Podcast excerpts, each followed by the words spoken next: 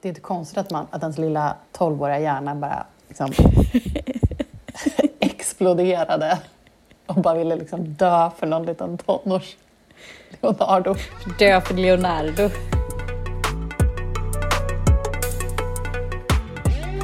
Ja, jag såg ju då första avsnittet av Spice Girls, en um, dokumentär på, mm. som ligger på SVT Play nu, uh, i tre delar som handlar om ja, men fenomenet, historien om Sverige, eller världens största girlband, tjejband, så töntigt att säga tjejband, men ett av världens största band. Mm. Det är hela resan från hur...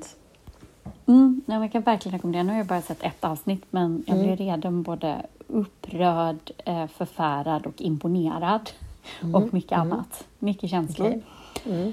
Um, ja, men, um, då är det allt, man får följa dem från hur de liksom sätts ihop, för det gör de mm. ju, uh, av en slump av en kille eller en man mm. som hittar de här och ser någonting i det efter dyningarna av så vågen egentligen i England.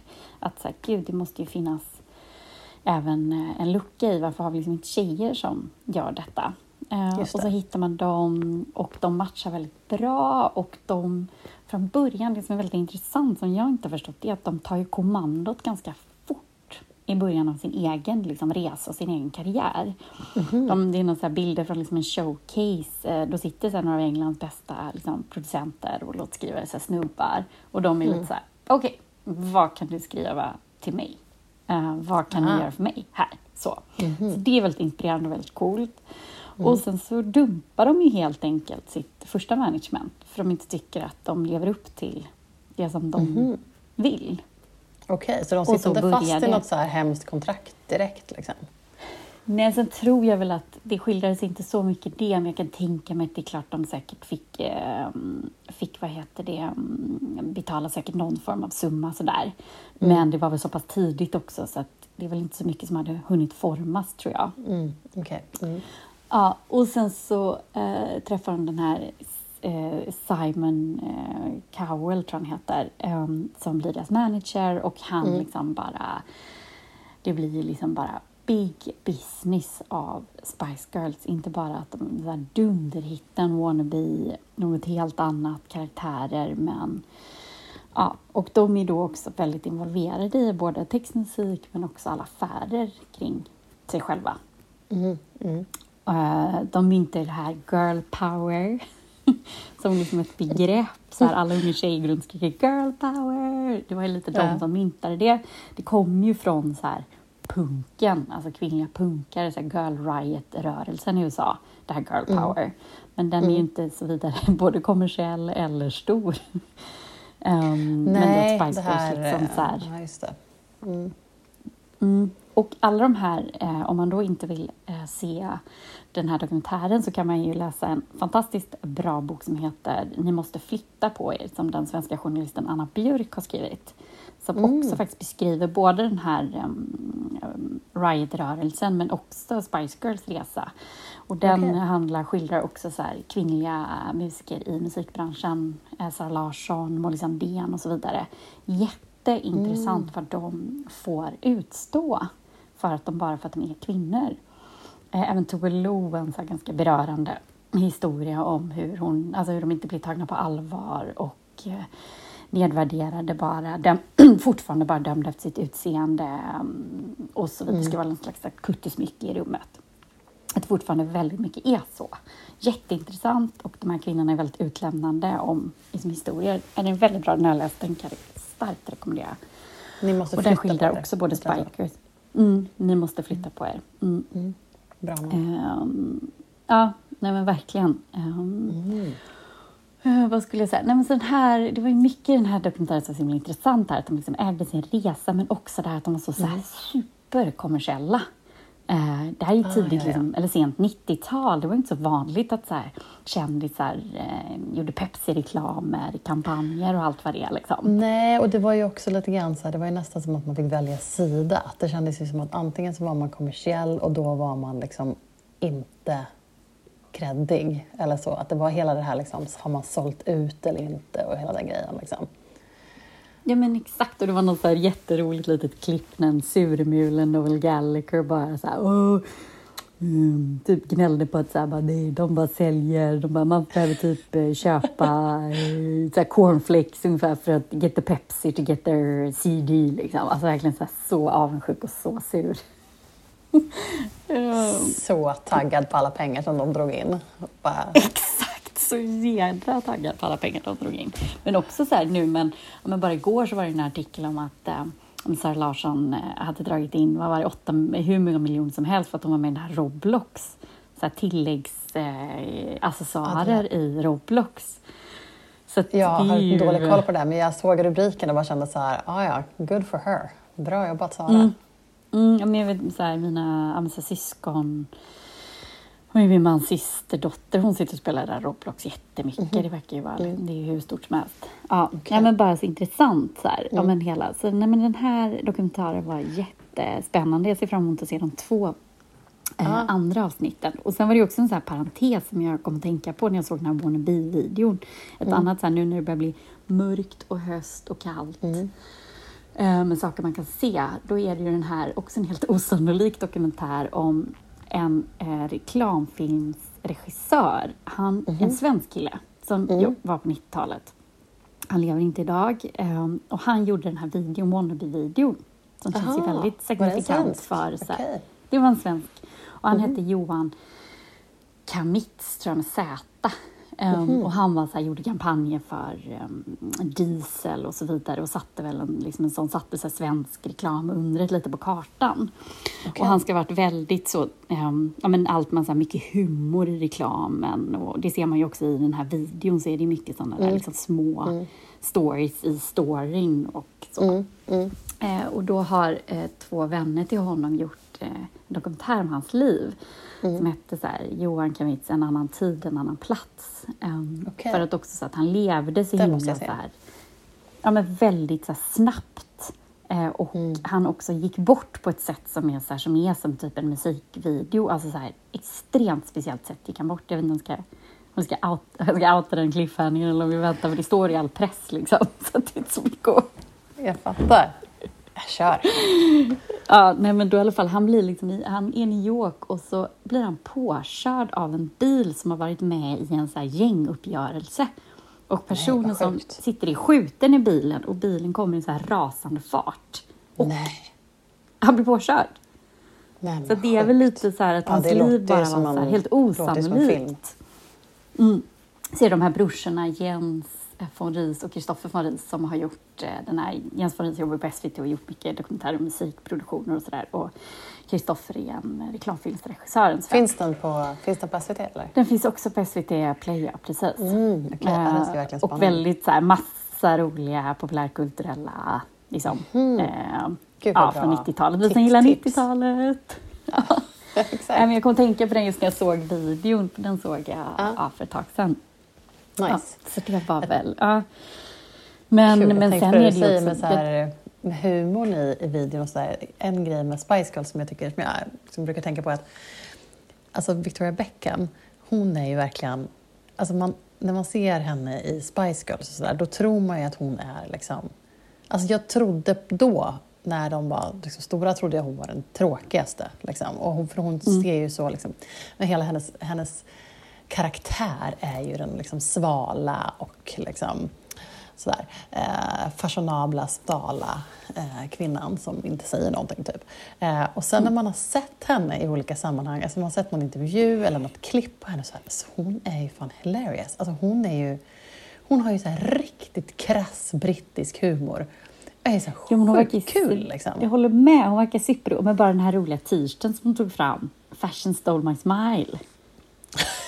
Alltså. Och så vi bara fotade i så här mörka svarta solglasögon och så här, ja men sån liksom riktigt Porsche. Mm, ja, hon verkar ju ha så här. Jag tror det står så här, fashion stole my smile. Jag ska kolla om jag kan hitta den bilden. Ja, ja jag tror det är något sånt, någonting i den stilen i alla fall. Super, och det är också, hon går runt med den själv så här och ser den från hennes, ja, hennes kollektion. Ja. Jätteroligt. Ja, nej, jag tycker hon verkar väldigt skön. Ja, men sen är det ju också, jag tror att i nästa liksom, avsnitt av den här dokumentären, mm. då blir det ju tyvärr det här att de är så, det är så sjukt mycket, liksom, där som man också såg i så Britney ja. dokumentären, där sexistiska. De ska få svara på frågor om från. Ja, allt från mm. att de är oskuld till varför är ni så tjocka. Ja, det var något klipp när de ska stå och väga sig, hur mycket har ni gått upp? Äh, alltså, så här, ja. vet, så, så här, brittiska ja. gubbar liksom. Uh, ja, så man blir helt... Uh, ja, men man får också tänka så här, det hade ju säkert inte varit någon Billie Eilish eller någon eh, Miley Cyrus eller någon Sara Larsson. Om, hade väl inte funnits idag om det inte hade haft Spice Girl. Det får man inte glömma. Nej, och man får väl hoppas att tiderna har förändrats lite grann och att de inte tar den. Alltså dels att pressen inte behandlar dem på det sättet och att de nu har liksom andra medel att kunna säga ifrån på andra sätt. Och ja, precis, liksom äga sin story lite mer. Mm. Det kan man ju faktiskt lite mer idag. Sen är det klart det är omöjligt ibland att vinna mot så brittisk tabloidpress. Ja, ja. Men, jag, men jag menar, det finns ju så många plattformar som du själv kan så äga din, din mm, story mm. idag på ett annat sätt än vad det var på 90-talet. Mm. Så är det ju verkligen. Då var man ju beroende av redaktionell press, punkt, mm. för att få ut något. Ja, exakt. Ja, gud. Det var faktiskt en av mina första, alltså när jag började jobba på, för jag började ju, jag är journalist i grunden och började jobba på tjejtidning eh, som mitt första jobb och min allra första kändisintervju var faktiskt eh, en telefonintervju med Mel C. För det är ju Sporty, Nej. eller hur? Sporty Spice. Uh, ja, men precis det var. Ja, en telefonintervju med Mel C när jag gjorde praktik på tidningen Frida. Nej, stort ändå! ja, jättenervös, satt i något litet, litet, så här, litet krypin-kontor där och skulle liksom prata med henne. Jag tyckte det var svinnervöst. Jag har ingen aning, jag minns ingenting av vad jag frågade. Men eh, ja, det var väldigt stort i alla fall. Gud vad roligt! ja. Och hon var så här proffstrevlig eller? Ja men superproffstrevlig megatrevlig och liksom, det, det var mm. väl över på, liksom, på några minuter. Eh, men, ja. eh, nej, men jag minns att hon var väldigt trevlig faktiskt. Så att, ja. Mm. Mm. Ja, en annan Kul. Spice Girls eh, liten tidbit, liten anekdot som jag gillar, det är ju när, hon, alltså när Jerry gör, kommer du ihåg att hon gjorde ett inspel, eller liksom en liten gästroll i Sex and the City? Ja, men kanske. Hon, men inte vad i det här avsnittet, Det är det här avsnittet när Samantha vill hänga vid någon så här members only pool. Så möter hon då Jerry på gatan och hon är typ så här ah, the pool is fabulous, eller så här, ja, med brittisk dialekt liksom. Och, eh, och Samantha är typ så här, ah, I'm going there right now, typ. Eh, hon är ett pyttelitet inhopp, men eh, hon spelar någon sorts fabulös brittisk kvinna som hänger vid den här poolen. Hon spelar sig själv då? Eh, jag tror inte det. Kanske. Nej, sånt älskar man ju när folk spelar sig mm, själva. Mm. Ja, exakt. Ja, nej. Litet men härligt inhopp. Mm. Ja, precis. ja, men gud, jag måste verkligen spana in den här Spice Girls-dokumentären. Det låter ju svinspännande mm. att se. De, alltså, de var ju ja, men... sådana ikoner, så jag förstår verkligen ja. att det görs en dokumentär om dem. Det är konstigt att de inte har gjorts tidigare nästan. Uh, för att det känns som att de ju de brann ju stort och snabbt. så. Ja, det gick ju eh, väldigt Men fort, lämnade liksom. ju ett jäkla eftertryck. Ja, men det är som någon, det var någon på deras eh, skivbolag som bara var så här, alltså vi förstod inte vad det var vi släppte lös. Nej, alltså, så här, det var bara så här, det bara liksom tog som ett eget liksom, liv. Ja. Så. Ja. ja, jag var lite sugen på att prata om bara en liten så här, jag tyckte det var så härlig grej jag läste en artikel om att det är nu 25 år sedan nu som filmen Romeo and Juliet med Vänta nu, ta in det här. 25 år sedan, hur innebär år sedan, 96 kom Romeo and Juliet med Leonardo DiCaprio och Claire Danes. Det här liksom, oh. mästerverket av Baz Luhrmann. Hans tolkning av, liksom, av Shakespeares Romeo och Julia. Eh, och alltså jag tänkte på det, 1996, jag var 12 år när den här kom. Och den slog ner som en liten bomb i mitt 12-åriga hjärta. Alltså, ja, det var liksom så här definitionen av så mind blown. Jag var verkligen så här, mm. vad är det jag ser? Och så här, livet kommer aldrig bli detsamma. Alltså den här filmen var verkligen så här, Ja, men, jag har inte sett den på länge nu och för att vi skulle prata om det så kollade jag på trailern och bara fick rysningar över hela kroppen. Mm. Och den var ju så den var ju så otrolig för att den hade liksom, det var alla delarna. Det var liksom setdesignen med alla de här neonkorsen. Kommer du ihåg dem? Så här, neonblå mm. kors. Ja men gud, jag, jag, alltså, jag var också helt besatt oh, av den gud. filmen och ja, men, jag klippte ut så bilder på dem. Och, ja men gud ja. Det var så kul därför att du tog upp den. Men den, den var ju, det var liksom, det var alltid grafiskt, hela formgivningen, det var liksom setdesignen, det var musiken, soundtracket med så garbage, det, liksom, med cardigans, med alltså, den här fantastiska ja, men Kissing också, You, här... den låten. Åh, oh, gud. Och sen var det ju... Ja, men också den här Donna Sam, inte det, men det var en sån här discodänga också. Ja, ja absolut. Så, absolut. Vad den ja, hette. Ah. Det finns, soundtracket med alla låtar finns på, finns på Spotify. Um, ja, det gör det? Vad kul. Ja, så man kan lyssna på det. Och det är, oh, det är, liksom, det är en total 90-tals throwback. Um, men scenen där vid akvariet, också... förlåt nu avbryter jag hela oh, tiden, men den där scenen Nej, vid alltså, akvariet. Alltså, ja, den finns på Youtube, den är helt fantastisk. Um, den scenen vid akvariet, alltså alla scenerna. Och, sen, och att de använde det var ju sånt grepp det här att de ändå använde Shakespeares språk, att de pratade i liksom, på dikt och liksom, eh, med det här gammaldags, men så var det ju liksom, settingen var ju en jag läste lite om det nu, det var ju liksom en, en, en, en eh, fantasivärld som var Verona Beach, som ju var en, en, en liksom mm. anspelning på Verona, men också Venice Beach, och de hade spelat in väldigt mycket i Mexico City. Och hela liksom känslan är ju någon sorts mexikansk slash kalifornisk gangsterverklighet. Liksom. Ehm, och, men då läste jag en intervju nu med hon som var kostymdesigner. För alltså kläderna är ju helt fantastiska de, och de gör ju jättemycket för filmen. Minns du liksom, minns du stilen? Alltså på de här ehm, Nej men liksom, alltså jag kommer ju mest ihåg hennes och... Ja men precis, hawaiiskjortan och så hade han liksom något halsband och så den här liksom mm. Ja, men så här lite såna lösa kostymbyxor hade han väl typ till. Ja, så. alltså så här, de, Eh, nu läste jag den här intervjun med henne och då berättade hon ju lite grann. De gjorde jättemycket av kostymerna själva men de gjorde även samarbeten mm. med en del stora modemärken för att typ, så här, spara mm. pengar. Um, så det var kul. Så de, de gänget som är på så här, Juliettes sida, Capulets, um, mm. de bär alltså jättemycket Dolce Gabbana. Uh, de hade hört av sig till Dolce Gabbana och, uh, Dolce, och så beskrivit hur de skulle göra. Dolce Gabbana bara, men ni kan få en massa gammal som stock. Så. Um, så har de fått en massa gamla, liksom, gammalt lager med grejer uh, och även fått så här, ni får göra vad ni vill med det. Så de hade fått, fått liksom, så här, klippa av ärmar och så här, skita ner gamla så här, Dolce ja, Gabbana-grejer. Ja. Så de har ju på sig ja. jättemycket. Det är så här, skinn och svintajta brallor och tajta västar och så här, bälten med stora smyck, besmyckade bälten. Och liksom, de är väldigt så här, ja, men, tajt och skinn och eh, liksom, utsmyckat så. Medans Montague gänget har ju någon sorts mer så här surf-slacker-stil med eh, lite så här cargobrallor, jeans och då de här fantastiska hawaiiskjortorna som jag läste att hon hittade en på en second hand-butik och så baserade hon resten på den och de handmålades av kostymavdelningen. Men så de handmålade de här, eh, de här hawaiiskjortorna och liksom inkorporerade då olika små så här alltså religiösa symboler och så, för det är ju jättemycket så här religiös ja, symbolik. För det är mycket det, ja, liksom. ja.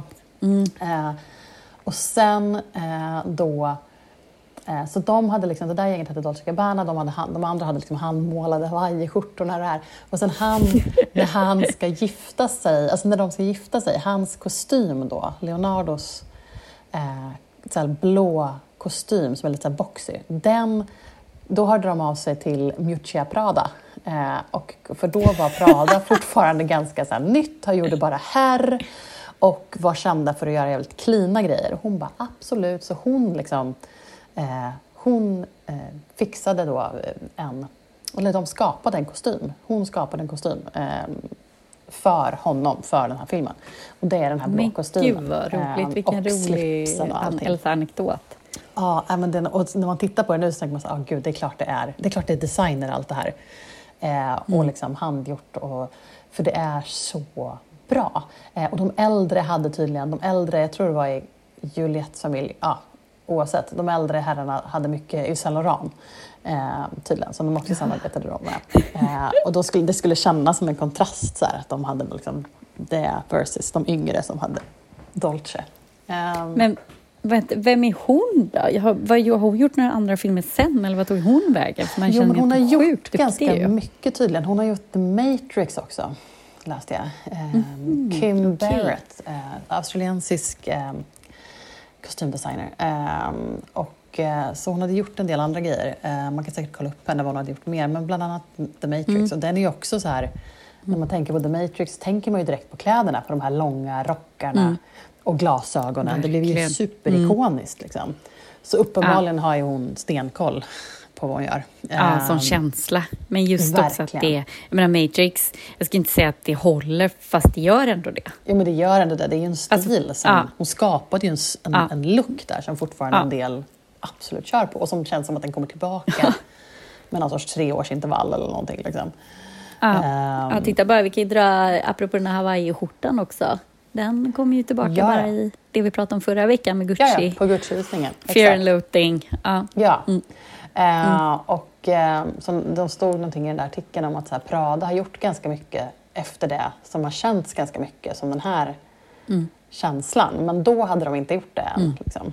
Um, men jag vet inte, jag bara tittade på ett, en klipp idag och bara så här, men gud den håller ju fortfarande. Den känns fortfarande så här.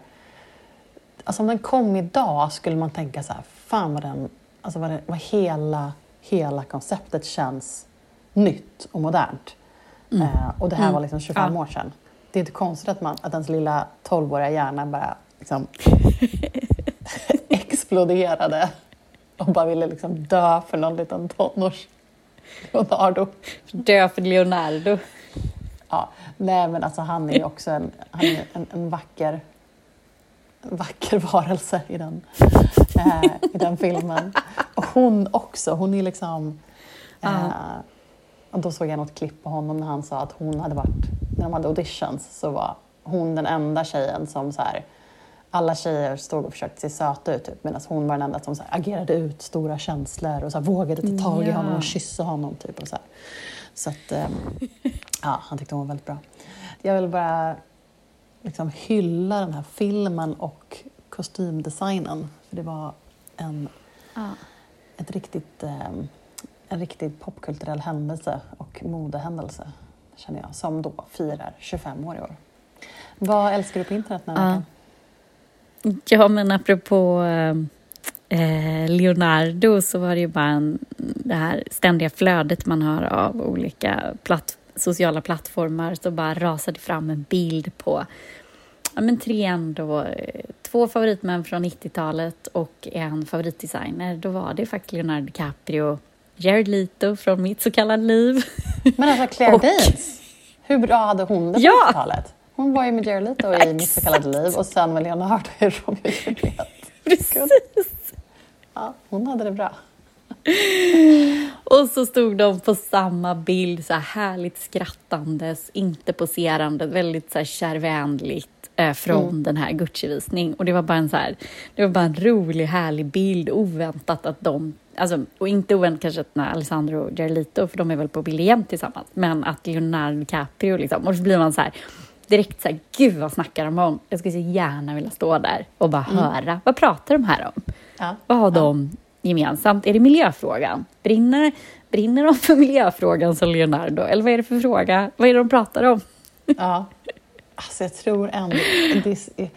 Alessandro känner jag att så här, han, han bidrar väl inte i alla fall med tanke på lyxvarumärke och så vidare. Så att, ja. Nej, det är sant. Modeller kanske de pratar om, det är annars ja, det är sant, det är sant. Det är sant. grej i livet.